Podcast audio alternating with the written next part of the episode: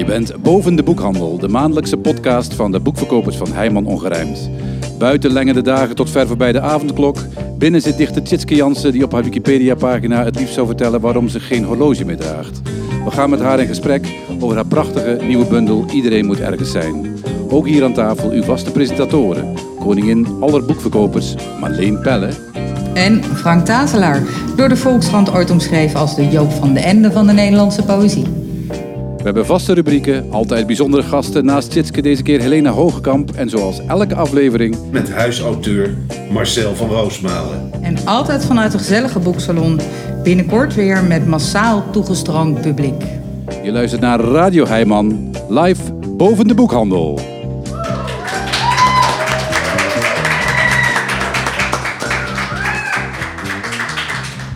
En onze eerste gast is dichter Tjitske Jansen. Ze debuteerde in 2003 met Het moest maar eens gaan sneeuwen. En daarin begint ze een gedicht met... Liefste, op deze dag, zo grijs als haring, schrijf ik je een brief waarin het waait. Geen wonder dus dat dat het best verkochte poëziedebuut is sinds de jaren 60. Er volgen ruim 20 drukken. Daarna verscheen een curriculum en voor altijd voor het laatst. Haar werk behoort tot de kanon van de Nederlandse poëzie en is in ieder goed overzichtswerk dan ook te vinden. En sinds kort hier beneden te koop haar vierde bundel. Iedereen moet ergens zijn. Tjitske, welkom. We zijn heel blij dat je er bent. Dankjewel. Kun je iets vertellen over je bundel? Je ja, nieuwe bundel? uiteraard. Wat zal ik vertellen? Op de, ik heb nu dus voor me vast. Toen ik hem uh, opgestuurd kreeg, ik had natuurlijk al gezien hoe hij eruit... Mm -hmm. Of daar ben ik ook bij betrokken geweest, zeer. Maar toch vond ik hem nog mooier dan ik al dacht dat hij zou zijn. Het is echt zo'n stevig, hardcover met een tekening van Hester Oerlemans uh, op de voorkant. Ook uh, die ik nog in Arnhem, toen ik nog in Arnhem woonde, ook wel heb ontmoet. Af en toe op feestjes. Mooie tekening van een. Uh, nou, ga ik niet zeggen, moet je maar opzoeken. Dan kan je zelf zeggen wat het is. En um, er staat niet op de voorkant dat, er, dat het gedichten zijn. Dat is wel grappig. Er stond een stukje over in het parool. En daar schreef degene het is nu wel erg dat ik niet weet wie dat dan schreef, maar die, um, die schreef van, dat, ze het vaak niet, niet echt poëtisch vond. Terwijl er wel gedichten op de voorkant stond. Toen dacht ik, nou, ze heeft waarschijnlijk het boek niet eens in handen gehad. Oh, ja. Want er staat helemaal geen gedicht nee, op de op voorkant. Op je vorige twee bundels ook niet. Volgens mij alleen op, nee, op je debuut. alleen op mijn debuut. Ja. En ik denk dat het goed is als je nu het begin voorleest. En goed. ik denk dat het dan uh, met je uitleg een heel goed beeld geeft. In 2014 veranderde ik de tekst van mijn Wikipedia-pagina. Omdat ik wel wat interessantere zaken wist te melden dan dat ik in pleeggezinnen had gewoond, als serveerster, administratief medewerker, marktkoopvrouw en kokshulp had gewerkt. Dat ik ooit een opleiding Nederlands aan de Radboud Universiteit Nijmegen begon, die ik echter niet afmaakte. Hoeveel exemplaren er van mijn debuutbundel waren verkocht, hoe groot mijn invloed is geweest op dichters na mij. Ik heb de bestaande tekst weggehaald en vervangen door een nieuwe. Nu konden bezoekers van mijn Wikipedia-pagina lezen dat ik tussen mei 2008 en januari 2011 in Samiling verbleef, een boeddhistisch centrum in Schotland. Daar leerden ze van een Engelse oud-officier van 95 hoe je een goede curry maakt. En Jansen woont in het Willem Witsenhuis, waar schilder, fotograaf en schrijver Willem Witsen van 1891 tot zijn dood in 1923 woonde en werkte. In de tuin is nog het kakhuisje met gat in de vloer, waarboven Van Ede, Kloos, Breitner, Isaac Israëls en Neskio gehurkt hebben gezeten. En op haar koelkast hangen de afbeeldingen van twee vrouwen naast elkaar, Patty Smit en Corrie Koelewijn. Ik vermeldde met welke muzikanten ik had samengewerkt. Martin Fonse, Jasper Leclerc, Corrie van Binsbergen, Jeroen Zeilstra, Rutger Zuiderveld, Roos Rebergen, Loes en René Wijnhoven. Noemde de teksten die ik schreef voor het wilde oog vermeldde de samenwerking met beeldend kunstenaars Jeroen IJsinga en Marcus Vater. Over mijn Pontiac Simpatico met groene wijzerplaat raakte ze kwijt in Praag. Ze liet hem liggen in de sauna. Sindsdien draagt ze geen horloge meer. Over een schrijfworkshop aan jongeren op een camping, wat een 16-jarige schreef. Arm doucheputje, altijd shampoo in je ogen en haren in je mond. En iemand van negen in een schrijfworkshop over geheimen. Mijn geheim is overal waar ik ben en het is altijd. En dat dit de mooiste vraag was die ooit een leerling, een jongen in Brussel, me stelde. Mijn mama leest gedichten als ze verdrietig is. Dat troost haar en maakt haar soms aan het lachen. U schrijft gedichten, u maakt mensen aan het lachen. Maar wat doet u dan wanneer u verdrietig bent? Toen ik de veranderingen wilde doorvoeren, kreeg ik de volgende melding met een rode waarschuwingsvlag erbij. Volgens een automatisch systeem voegt u tekst toe die lijkt op kletsen. Het doen van groeten, je voorstellen of liefdesverklaringen horen niet in een encyclopedie thuis. De aangetroffen woorden kunnen horen bij een serieuze bijdrage, bijvoorbeeld als onderdeel van een citaat. Is dat het geval? Voert u de tekst dan gerust alsnog in. Maar gaat het om een bijdrage zonder zinvolle inhoud, voert u die dan niet in. Dit zal snel worden opgemerkt. En bij herhaling kan dit een blokkering veroorzaken. Omdat ik mijzelf betreffende informatie over mij meer autoriteit toekende dan het automatisch systeem van Wikipedia, voegde ik de tekst toch toe. Het automatische systeem van Wikipedia verwijderde hem. Het is, het is een bundel. Um, ja, Marleen zei het al, er staat niet gedichten op de, op de omslag. Het is een bundel met ook columns en theaterteksten. Ja. Um, was dat ook van begin af aan het idee dat je, dat je een verzameling zou maken van ja, dingen die er al ja, waren? sterker nog, ik wilde, dat was ook een idee dat ik juist dat ik eigenlijk een bundel wilde maken waarin al die kanten, dus het, ik geef les, ik geef veel en graag les. Uh, uh, het schrijven van columns, het, het optreden, ja, dat, ik, dat ik een bundel wilde maken waar dat ook allemaal, uh, ja, dat, dat je dat kon zien, van hoe dat leven, dat je een beeld kreeg van het leven van mij, van als columnist, als schrijver, als dichter, weet je, dus, en dat is niet helemaal zo. Dus, dat, dus, dus het, is meer, het is nu meer iets anders geworden dat die columns nog gebruikt konden worden als. Uh, ja, of een soort uitzoomen. Of een, of een, en wat ik, heel, wat ik zelf er heel goed aan vind, is dat, dat, het, dat de bundel op alle mogelijke manieren gaat over. Uh, ja, het is een fluïde bundel. Mm -hmm. uh, en het, uh, het gekke is dat het een woord is, dat het echt een woord van deze tijd. Dat ik toch heel vaak de vraag krijg, wat is het nou eigenlijk? Weet je? En het is dus, dus het wordt, dus de, want de columns zijn dan weer niet echt klassieke columns. Het zijn geen, het zijn eigenlijk, die zijn eigenlijk te poëtisch voor columns. Of, is, uh, de theaterteksten zijn weer geen klassieke theaterteksten. Dus daarom wou ik het ook heel duidelijk dat het er ook boven stond. Daar heb ik nog echt over gehad met mijn uitgever. Ja. Dacht, misschien moet je het herschrijven. En dan het een beetje, dat je, dat, dat je heel vaak ziet dat iemand dan wel teksten gebruikt die al geschreven zijn, maar dan beetje weggemoffeld. Ik dacht, nee, helemaal niet. Ik wil juist, maar als je het wegmoffelt, dan krijg je niet meer dat effect dat je ziet, oh ja, dit is, oh, dit is een column, maar ook weer dat wat ik net Maar dat, dat effect heeft het wel, hè? want het past eigenlijk thematisch heel erg binnen de afdeling, die, die, die column. Of ja, het past er wel, het is wel ja. dat het er ja. goed bij ja. past. Ze zijn dus niet herschreven? Nee. Nee. Nou, behalve dan om dan af en toe te passen, dat je een woord niet lelijk hoeft af te breken. Maar niet Ja, om, ja. eh, ja. Want het staat er dus niet op. Het staat niet op wat dat het gedichten zijn. Het heeft geen flaptekst. Eh, ik ga natuurlijk als boekverkoper meteen kijken wat voor neur heeft het. Want het moet een neur hebben. Ja, dat moet het dan Dat hebben. moet. Ja, dat is en dan het. zie ik ook 306, dus het is poëzie. Ja. Maar je moet iets kiezen. Ja. Ehm, en hoe gaat dat dan nu? Nu het er is en nu je geïnterviewd wordt, eh, ehm, moet je het steeds duiden? Nou, ik denk dat ik zelf een beetje die neiging... Dat, ja, eigenlijk wel. Maar is- ik heb zelf ook de neiging om het bij voorbaat al... Het wordt een beetje defensief. Omdat ik wel heel vaak... Of dat heb gemerkt. Dat het op die manier, dat er, dat er op die manier over gepraat of geschreven wordt. Ik had, ik had met de tweede eh, bundel een poëzieprijs gewonnen. En toen schreef iemand van... Nou, dit is helemaal geen poëzie. En zelf vind ik het eigenlijk helemaal niet belangrijk... Hoe, wat iets is of hoe het heet. En ik maak gebruik van poëtische middelen. En ik maak gebruik van middelen die ik ken uit de theaterachtergrond die ik heb. Ik maak gebruik van documentaire eh, principes. Dus ik maak gewoon gebruik van wat ik nodig heb om mijn ding te maken. Ja, ja. Om mijn bundel te maken. En dat vind ik zelf de kracht van de bundel. Volgens mij moeten wij naar de eerste rubriek. Ja. En ik weet niet zo goed eh, wat we eh, nou precies in het begin hebben gezegd. Want toen was ik nog te veel geïntimideerd door de microfoon.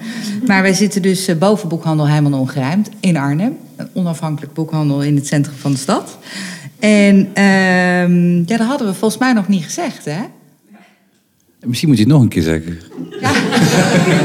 Boekhandel Heijman Ongerijmd in Arnhem. En ehm, we hebben al wat rubrieken opgenoemd, onderdelen. En eh, een vaste, vast onderdeel van, eh, van deze podcast eh, eh, is de rubriek Kom je hier vaker? En eh, onze huisauteur Marcel van Roosmalen gaat iedere maand eh, een vaste klant van ons interviewen.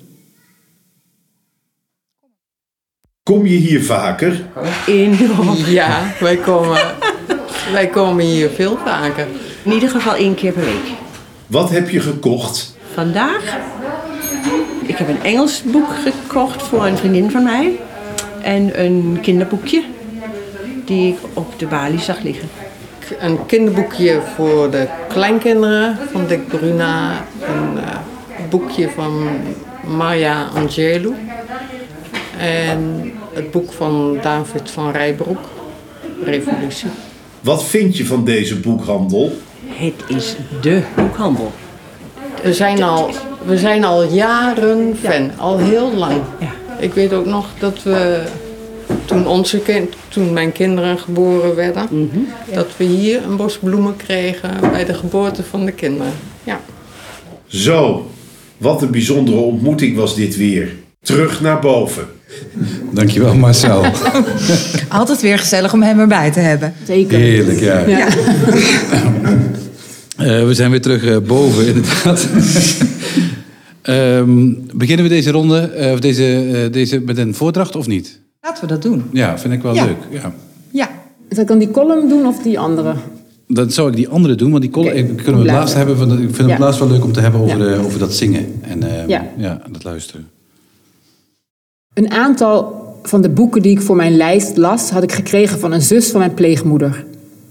Die woonde met haar 30 jaar oudere rijke man in een groot huis in Nijmegen. Op een middag, mijn pleegmoeder en ik dronken thee bij haar, liet ze weten een doos boeken weg te doen. Misschien zit er iets tussen wat jij wilt hebben. Ik wilde die hele doos wel hebben. Ik vroeg me af hoeveel boeken ik kon kiezen zonder hebberig te lijken. Ik besloot dat het maximum drie was. Ivoren Wachters, Het leven is verrukkelijk, in stripversie en een boek van een schrijver van wie ik nog niet had gehoord. Ik koos het vanwege de titel en omdat ik het boek er zo mooi vond uitzien. Op het crème-kleurige omslag bevond zich in de bovenste helft een purperkleurige tekening van een jong vrouwengezicht.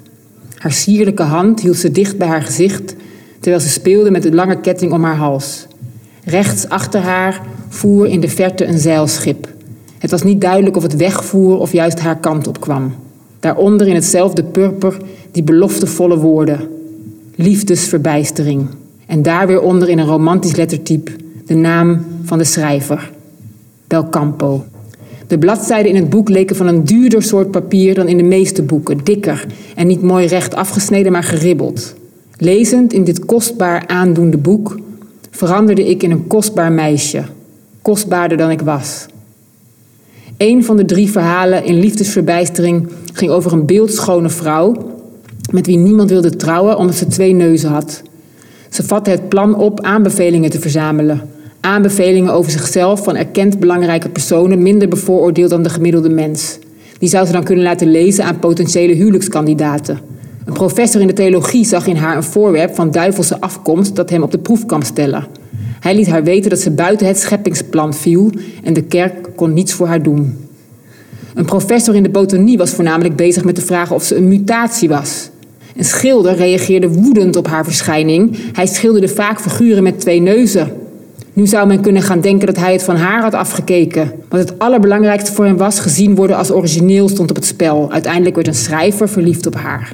In dezelfde periode waarin ik op mijn zolderkamer het leven als literatuur op me af liet komen, was ik punk, naar Barneveldse maatstaven.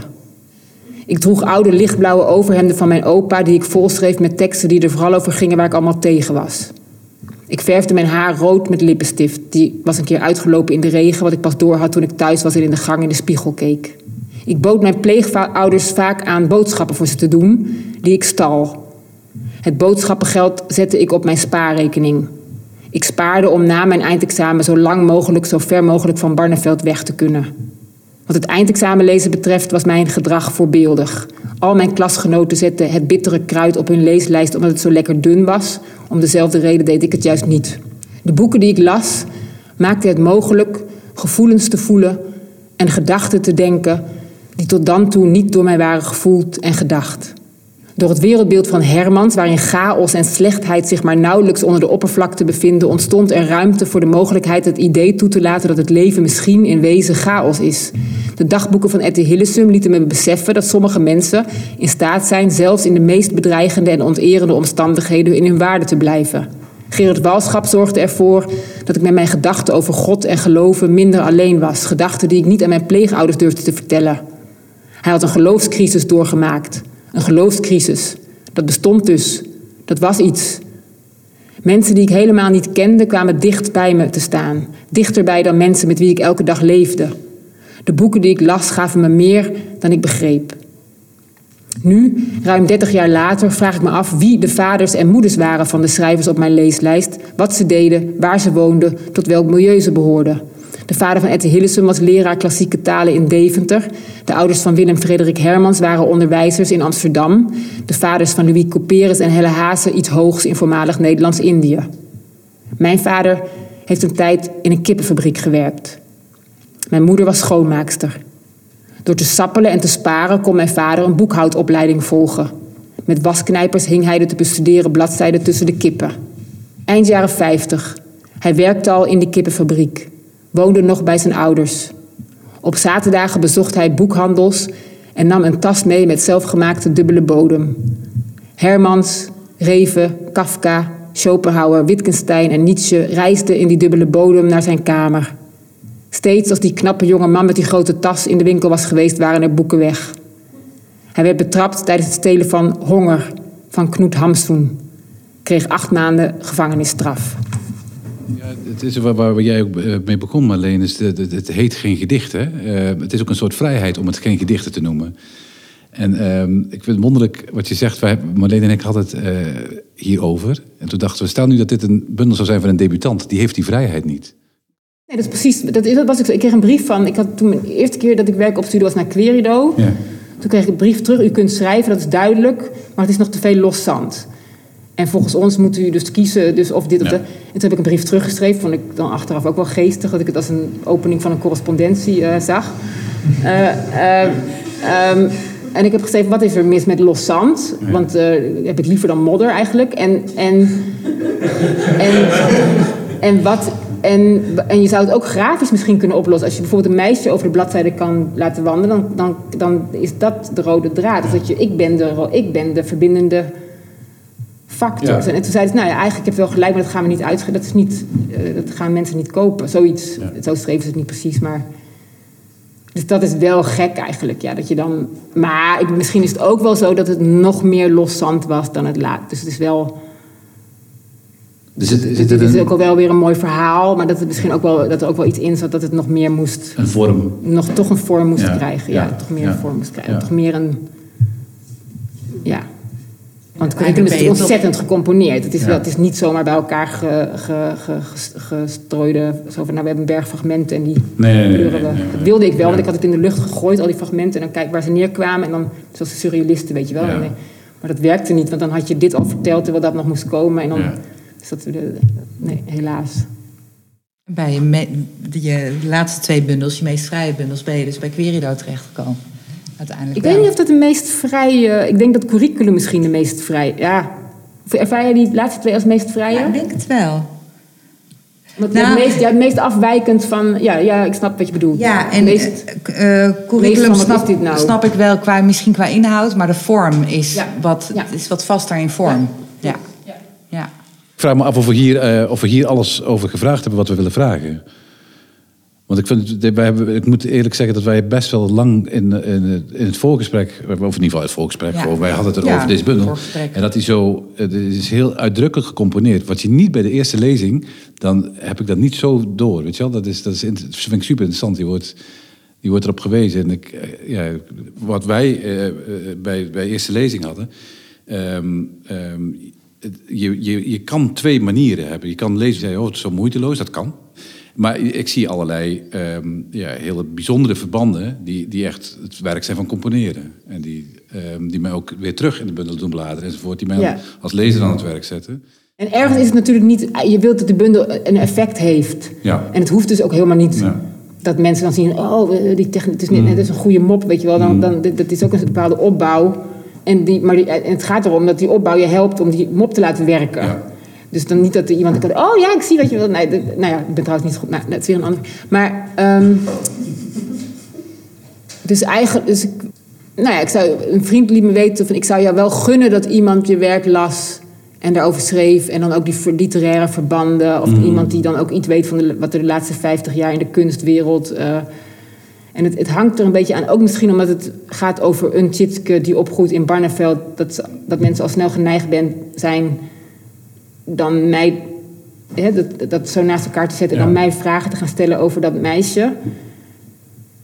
Terwijl het is nog steeds een, iemand, ik maak gebruik van mijn herinneringen om daar een kunstwerk van te maken. Ja. We gaan naar onze volgende rubriek. Hoera, een debutant. Eh, iedere maand eh, interviewt eh, collega en correspondent beneden Stan een debutant. Stan, het is aan jou. Ja, dankjewel. Eh ik zit hier beneden met in mijn linkerhand eh, het debuut van Helena Hogekamp. Het aanbidden van Louis Klaus met, moet ik toch even zeggen, misschien wel het mooiste omslag van het jaar tot nu toe. En in mijn rechterhand heb ik een telefoon en aan de lijn heb ik Helena. Dag Helena. Hallo, Wat voor boek heb jij geschreven? ik heb een eh, verhaal geschreven over twee mensen.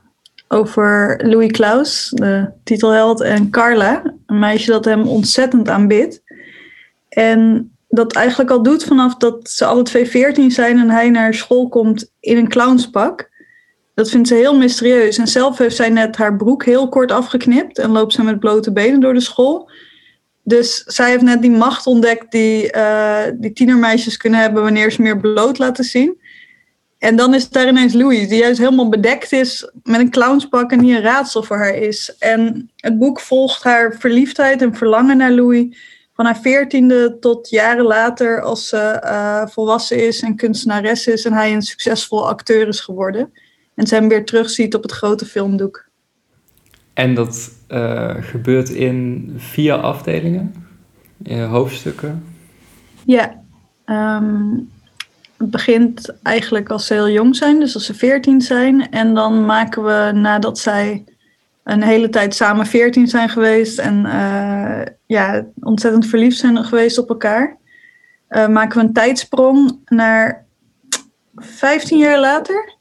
Als ze eigenlijk niet meer met elkaar omgaan, maar opnieuw met elkaar in contact komen. En zij heeft dan ook een relatie met een vrouw, met een ander. eh, hij heeft een heel ander leven en dan worden ze toch weer naar elkaar toegetrokken. En ik denk dat ook het verschil tussen de twee delen zijn. In het eerste deel zijn ze nog kinderen en wonen ze thuis bij hun ouders. Die allebei, eh, allebei de ouderparen zitten om een bepaalde reden vast. Zitten niet helemaal fijn in hun huwelijk. En de moeder van Carla is ook ziek. Eh, die is terminaal ziek.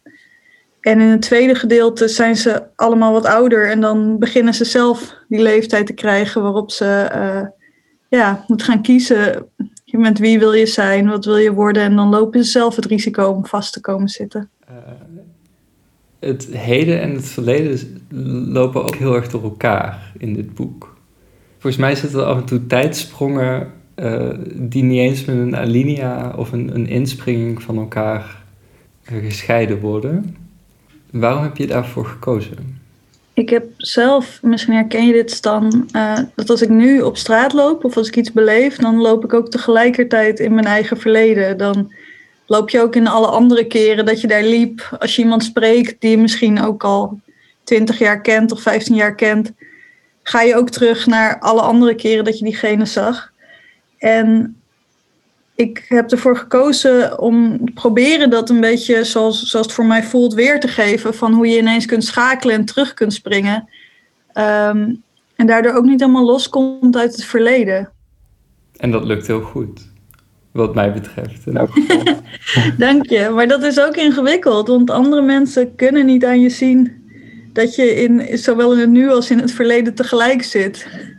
Dat je er niet helemaal bent en tegelijkertijd ben je wel. Iemand zei tegen mij over dit boek eh, dat er heel veel onuitgesproken blijft. Ook heel vaak op de belangrijke momenten dat je denkt, toe nou, zeg het nou. En dat gebeurt dan niet. Maar in plaats daarvan wordt heel veel gezocht in het lichamelijke. Ehm, Carla is, is, is heel verliefd op Louis en die krast, haar na, krast zijn naam ook in haar arm. Waarmee ze bijna zegt, ik ben van jou, hier ben ik. Maar dat laat ze dan weer niet zo heel erg merken als ze tegen hem praat. Hij moet dat maar oppikken. Dus er wordt vaak in plaats van gezegd wat mensen zouden willen zeggen, als ze, als ze die laatste kans krijgen, wordt het gezocht in, in knuffels en zoenen en lichamelijkheid. Zou je misschien een klein fragment willen voorlezen? De bomen staan in brand. Een man met een oranje hesje houdt de nieuwsgierige buurtbewoners op afstand door zijn armen te spreiden als Jezus. Hij heeft toevallig ook lang haar en een baard. Een collega van Jezus rolt de bluslang uit. Tuig, zegt hij, duidelijk verstaanbaar, waarmee hij niet de kinderen van buurtbewoners bedoelt. Dit vandalisme komt vast van de krakers die, ondanks het leegstaande Chinese restaurant, midden in een nieuwbouwwijk hebben bezet. De jonge bomen staan met rubberen banden vastgebonden aan palen. Hun takken knetteren, buigen door, reflecteren in de zilveren strips op het vest van Jezus, die vraagt of iemand iets gezien heeft. Ik heb mijn moeder gezien vanochtend. Die stond te huilen onder de douche, met één hand tegen de tegelwand geleund. Haar haren dropen omlaag en haar tranen ook. Ik heb een berichtje van Louis gezien waarin stond dat ik direct moest komen. En onderweg naar hem een man die een prullenbak van achteren bereed, dronken op zaterdagmorgen. Nee, niets gezien, zeg ik tegen Jezus. Mag ik er nu door? Dankjewel, Helena. Jij bedankt voor het interview. Het aanbidden van Louis Klaus van Helena Hoogkamp kun je nu bij boekhandel Heijman Ongerijmd met twee keer lange ei komen halen. Terug naar boven. Dankjewel, Stan. Ehm, wij halen hier alles uit boeken. Ehm, dus ook de volgende vragen. Je mag... eh, eh, eh, we leggen je steeds twee keer een keus voor, twee auteurs. Eh, jij mag je voorkeur aangeven. En die auteur gaat jou een vraag stellen. Frank, wil je beginnen? Ja, ik zal ze eh, twee auteurs uitkiezen. Ehm, even kijken hoor. Ehm, Ted Hughes of Joost Omen? Dus eigenlijk, maar moet ik de voorkeur voor de auteur of, of moet ik van wie ik het liefst een vraag krijg? Dat laatste. Oh jeetje. Joost, Omen.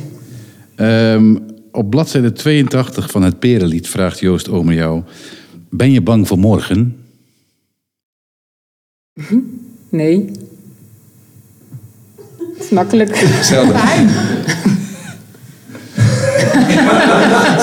Wat is de vraag van Ted Hughes dan? De vraag van Ted Hughes was, eh, en daar mag je dan ook antwoord op geven... Waar is het zwarte beest? Oh, het Zwarte Beest, zo noemde toch eh, Churchill zijn depressie. Ja. Ja. ja. ja. Maar waar het is. ja. Waar is het Zwarte Beest? Geeft hij daar ook antwoord op in zijn... eh, is die kraai, hè? Ja, dat is die kraai. Ja, nee. Je mag het ook gewoon bij nee houden. De vraag van. Joost. Oh, nee. Ja, is het Beest? Nee. Ja.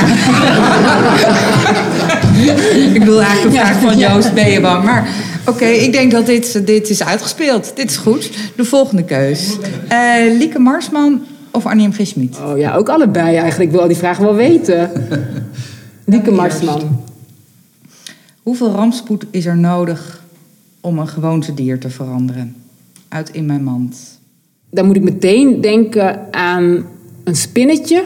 Ik heb ooit gehoord, moet ik ook aan de spin Sebastiaan denken dan, nu, dat een spinnetje, als het web van een spinnetje wordt kapot gemaakt, gaat hij meteen een nieuw web maken. Als het web dan nog een keer kapot gemaakt, gaat hij weer een nieuw web maken. En als het de derde keer kapot wordt gemaakt, wordt hij gek. Ik weet dan niet hoe dat eruit ziet. En dan kan dan, dus zoveel rampspoed is er nodig. Twee keer een web kapot, dan is het klaar. dan is het klaar. Ja. Annie M. eh, Annie M. G. Schmid nog horen? Ja, tuurlijk. Eh, dit komt uit Jip en Janneke, het verzameld werk, zeg maar, pagina 240. En de vraag luidt, heb je een tent? En dan moet ik denken aan een gedicht van eh, Paul van Ostaaien, waarin hij zegt: Wie. Oh nee, oh, wat jammer dat ik die niet uit mijn hoofd ken. Dus ja, wie, wie het komt eigenlijk op neer dat als je iemand hebt die van je houdt, maar hij zegt het dan veel mooier. Zijn hart is als een tent waar rust is door niemand buiten hem gekend. Dus zo'n tent heb ik wel. Mooi. Zullen we er nog één doen? Leuk zeg, dit. Het is leuk, Eh, want dit, geen, eh, kan dit is geen quiz die niet fout kan. Ja, dat is. Ja, klopt. Ja, jij, was, ja. jij was bang dat je overhoord zou Ik worden ga nooit eerst. hè? naar, eh, ik zal echt nooit aan de slimste mens meedoen. het gaat ten eerste helemaal niet om slimheid, maar, maar ook omdat ik het allemaal niet. Ik ben meer specifiek eh, ontwikkeld dan algemeen ontwikkeld, zeg maar. Even kijken. Gerda Blees. En, eh, of, of, moeten we dan zeggen, eh, maar het wordt en. eh, Gerda Blees of Marcel van Roosmalen. Maar mag weer allebei toch gewoon? Ja, maar wie wil je dan, en wie wil je dan eerst? Marcel van Roosmalen. Oké, Marcel van Roosmalen vraagt zich af bij, in het boek Mijn legendarische moeder overleeft alles, bladzijde 138. En de andere mensen, wat deden die? Wacht even, zijn moeder overleeft alles. En de Dat is andere de mensen. titel van het boek. Ja, Mijn legendarische moeder overleeft alles, zo heet het boek. En op bladzijde 101, Ligt of hier ook. 138 sorry, eh, stelt hij de vraag. En de andere mensen, wat deden die? Jeetje, wat een goede vraag, ja. ja maar, dat is een, maar dat is een vraag die natuurlijk open... Het is niet, niet helemaal niet de vraag die de bedoeling heeft om antwoord te krijgen van mij. Dat is een hele mooie... Maar het is, het is wel prachtig. Ik moet denken aan de, aan de rijwielhandelaar eh, in, het, in, het, in jouw boek. Oh, ja, dat, wat die Oh, deed, ja. ja. dat is, Geweldig, dat stickertje. Ja, nou, dat, het- Hoe dat, nee, hoe dat, ik die, dat ik die overleefd heb, bedoel je toch? dat, Nee. ook dat, die, die heb je overleefd, hoop ik Ja. wel. Die in, ehm, wat, eh, het stickertje. eh, Stickertje, ja, vond ik zo prachtig. Eh rijwielhandelaar in Barneveld. Die Franje. alle fietsen met het woordje sport die in de etalage staan, de O verandert in de U. Nou, alle hoor, ook degene die niet in de Oh, oké. Ja. Want sport was uit den boze. Ja. Dus hij wou wel sportfiets verkopen, maar er mocht geen sportfiets opstaan. Dus dan maakte hij er spurtfiets van. Ja. Dat vind ik inderdaad, deze vraag, dankjewel Marcel van Roosmalen. Ehm, ehm, wat, in de, wat ik in de bundel, je, je zei net het meisje eh, in de bundel kijkt, maar betrapt ook eh, de werkelijkheid. En betrapt ook deze meneer, hoe heet die, Franje? ja. Het was ook moeilijk om hem niet te betrappen hoor. Ja. We, gingen ook met we gingen dan ook daarheen. En dan vragen... Nou ja, er is ook een keer een meisje geweest dat naar hem toe ging. Want hij, hij, hij zei dan dus van... Waar, meisje, volgende keer een rok aan, hè? Ja. Want, eh, en dat zei hij altijd pas nadat Na hij het dan had afrekenen. verko- na het Ja. afrekenen. En, ehm, en, en dan, dus een keer heb ik gezegd, eh, waar bemoeit zich mee? En dan zei hij van, ja, maar wat zou jij doen als je iemand in de afgrond ziet hangen, dan wil je die redden. En hij zei dus, en toen was er een keer een meisje, ging, we gingen dus ook voorbereid daarheen. We gingen ook dingen met hem uithalen. Want dan, want dan was er een meisje dat, dan zei die meisje volgende keer een rok aan, hè, dus vrouwenkleding. Oh, maar, en, maar Jezus had ook een rok aan, hè, dat soort, dat soort eh, dingen. Ja. Dus- maar ja. Het Maar het, de mooie van die figuur is dat iedereen kent, heeft zulke figuren. In het dorp of in je wijk. Of, ik heb het pas aan, ik gaf een les en toen vroeg ik daarna... en toen kwam er iemand aan met een figuur in haar dorp... dat op een soort onderuitgezakt op een driewieler rondreed... en dan langs alle fietsen waar die kwam... ging hij de snelbinders goed doen. Dus het zijn ook een beetje Fellini-achtige... eh, dus dat, en dat, dat is ook dus een manier waarop je een fragment kiest Ja. dat je ermee kunt identificeren of dat, je, dat, je, dat er bij jou ook iets open gaat. Maar ja, zo'n vraag van, eh Marcel van, van Marcel van Roosmalen: van, zij overleeft alles en wat deed de rest? Dat is mooi, maar ik kan niet. Nu zou ik dus willen zeggen: ik heb daar dan meer tijd voor nodig. Dit vind ik echt een soort uitnodiging om dan te gaan zoeken naar waarom dat zo mooi is. Waarom dat zo mooi. eh, Ja, dan heb je nog niet de tweede gehoord. Dat was die van Gerda Blees. Heeft u in het echte leven ooit een verhaal het woord zien nemen? In Wijs en Licht staat het, op bladzijde 147. Of, ik, of heeft u in het leven ooit een verhaal het woord zien nemen? Dat vind ik een lastigere, omdat die abstracter is. Want zo die vraag van die andere vraag, die roept toch meer beelden dan meteen Ja. op. En, en juist omdat een verhaal, misschien is dat ook precies de vraag. Een verhaal. Dus ik vind het lastig, omdat ik Ja, er geen beelden deze bij roept geen ik beelden krijg op, geen ja. beelden bij. Ja. Nee. Ja. Zullen we er nog eentje doen? Ja. Eh, Marja Pruis of Judith Hertzberg? Ja, dan kies ik voor. Ik vind ze ook allebei fantastisch, maar dan kies ik voor Judith Hertzberg. Omdat die al zo lang bij me is. Eh, de vraag komt uit Dagrest, eh, pagina 9. En de vraag luidt: In die dag van geboorte tot dood, waarop te hopen? Dat is een hele grote vraag. Ja, In, in die dag, ook mooi hè, die dag van Ja, ik dat. maar ja, prachtig. Eén dag is het, ja. Het is altijd maar één dag. Waarop te hopen. Ja, grote woordenvraag. Ja, in de, in de, ik ben boeddhist. Die doen eigenlijk niet aan hoop. Boeddhisten. Dus Vind ik een heel goed antwoord. Geen hoop, geen teleurstelling. nou, ik denk dat we daarmee... eh, dat dit wel een, een goed einde is eh, voor eh, dit onderdeel. Heb je nog wat leuks? Marleen, we hebben, eh, ik kan, hem ook- kan, kan hem ook wel introduceren door de vraag aan jou te stellen. Marleen, we hebben een heel bijzondere rubriek. Elke maand weer. Ehm, mogen we die beleven? Kun je er iets meer over vertellen? Ja, we, we hebben het genoemd de avonturen van de boekverkopers. En nou, er gebeuren natuurlijk enorm spannende dingen hier in de winkel. Ehm, nu iets minder eh, tijdens corona, dus het is even zoeken geweest. Maar we hebben een collega Lars. Die staat bekend als, eh, om een heleboel dingen. Maar tevens als uitvinder van het Van Doomhoekje. Eh, dit grootste en meeslepende avontuur van Lars gaat over de methode waarop hij eh, de verpakking van onze boekenbon eh, inpakt. En dan nu een nieuw avontuur van de boekverkopers van Heijman Ongerijmd. We gaan een boekenbon inpakken. En dat betekent dat je het fantoomhoekje meeneemt. Ja, het is eigenlijk relatief simpel. Het papiertje pak je en die probeer je gewoon tot en met ongeveer het uiteinde vouw je die op. En dan ga je met je vingers overheen zodat het lekker strak is. En dan met één plakbandje zou je eigenlijk voldoende hebben. Hij kan geen kant meer op. Hij zit helemaal dicht. Wat je dan doet, is dat je ongeveer de helft pakt van het overgebleven papier aan de bovenkant. En dat vouw je als een soort raketje omhoog. Dan zet je je met je duimen eronder en dat vouw je het naar jezelf toe. Dus je zult nu zien, het is helemaal recht. Hoppakee, weer een plakbandje. Nu zit het vast. Nu kan het helemaal geen kant meer op. We doen hetzelfde aan de andere kant. Dat kan iets breder, wat je fijn- fijn vindt. En we doen daar hetzelfde. Maar de onderkant is al recht, dus je hoeft daar geen rekening te houden met het fantoomhoekje. Probeer zorgvuldig en secuur te werk te gaan. Zo heeft iedereen er plezier van. Het fantoomhoekje. Weer wat geleerd. Nou, hè, echt. Zo, ik ben zo benieuwd naar het eh, avontuur van volgende maand. Eh, boekentips. Frank, heb jij nog tips? Hey iedereen, ik ben Merit, de editor, en er ging het een en ander mis op de avond zelf. Dus hier nog één keer vanuit zijn woonkamer Frank met zijn boekentips. Ik wil graag drie bijzondere boeken tippen die ik de afgelopen maand las. Een indrukwekkende verhalenbundel, een grote roman en een boek vol essays. Om met die laatste te beginnen. Oek de Jong is de schrijver van vijf grote romans. Als zodanig is hij natuurlijk bekend bij het grote publiek.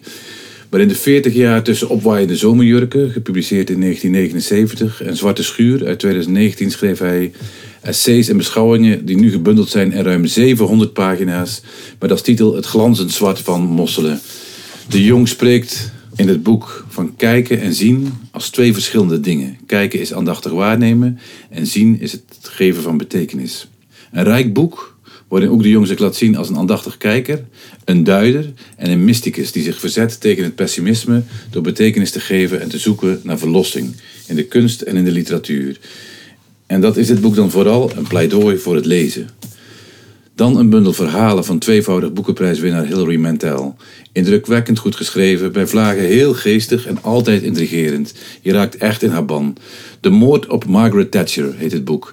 En het gelijknamige verhaal, dat een ruil ontketende in, de, in het Verenigd Koninkrijk, is een alternatieve geschiedenis waarin niet alleen Thatcher en degene die een aanslag op haar zal plegen de hoofdrol spelen, maar de vertelster, een oudere Ierse vrouw die gaande het korte verhaal het heft van haar eigen leven in de hand neemt.